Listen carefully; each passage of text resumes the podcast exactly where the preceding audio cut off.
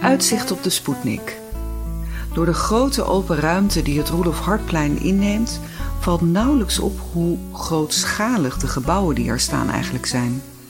Een welvend bouwblok van zeven verdiepingen met een toren domineert het uitzicht als je vanuit het westen komt aanfietsen. De detaillering is zowel sober als verfijnd en de symmetrie zorgt voor de rust en het evenwicht die het gebouw in al zijn grootsheid toch bescheiden doen lijken.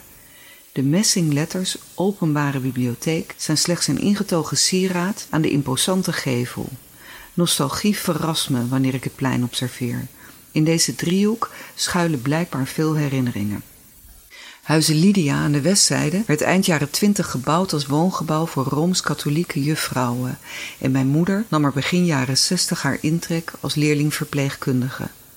Café Wildschut ligt aan de noordkant van het plein met een schitterend terras op het zuiden. Als klein meisje kwam ik er met mijn grootmoeder om haar koffieroom en suikerklontjes te mengen met mijn Coca-Cola. Een vlokkerig schuimende spoednik was het resultaat, vies en spannend tegelijk. Ze wees me op het zusterhuis aan de overkant, waar mijn moeder vroeger tijdelijk woonde, en de spitse toren die boven het dak uitrees. Een raket, zoals de Sputnik, die de ruimte leek te zoeken.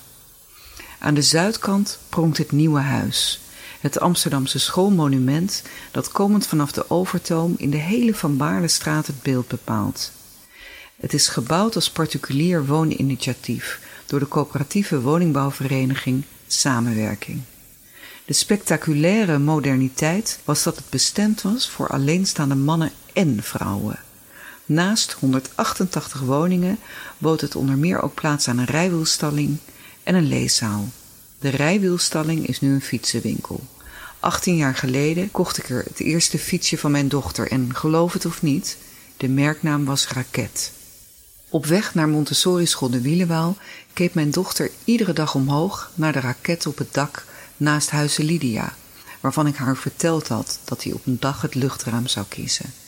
En de leeszaal, die is er ook nog steeds. Het is nu de openbare bibliotheek. Vandaag is het er druk. Ik neem plaats aan een houten lessenaar met ingebouwde inkpot en pennengoot, op zoek naar een verhaal. Nieuwsgierig klap ik het dekseltje van de inkpot open. Het blijkt tegenwoordig een stopcontact. Ik sta op en loop langs de piano naar de binnentuin. De weelderige oase achter de openslaande deuren lonkt naar me, maar een bordje houdt me tegen. Verboden voor bibliotheekbezoekers. Ik vang slechts een glimp op van de balkons en het uitzicht van de alleenstaande dames en heren. Te pletter vallen is een goede dood, schreef Jan Arends op de vijfde verdieping van dit gebouw, voor hij sprong. Via het marmeren trappenhuis met glas- en loodramen ga ik naar de kinderafdeling. De vloerbedekking is een soort stripverhaal. Keith Haring-achtige figuurtjes schreeuwen op een knalgele ondergrond om mijn aandacht, evenals een wand met informatieboekjes van het documentatiecentrum, uitgegeven door Noordhof. Titels als Alles over windmolens, Jagers en verzamelaars en Hoe word ik doktersassistente staan keurig in het gelid. Ik kies het laatste werkje en ga zitten op een bankje met uitzicht op de Sputnik aan de overkant. In het boekje, uitgebracht in 2007, is de doktersassistente consequent een zij en de dokter een hij. Wat de samenwerking in 1927 al begreep, begrijpt Noordhof nog steeds niet. Maar ja, mannen komen nou eenmaal van Mars en vrouwen van Venus. En daar brengt zelfs een raket geen verandering in.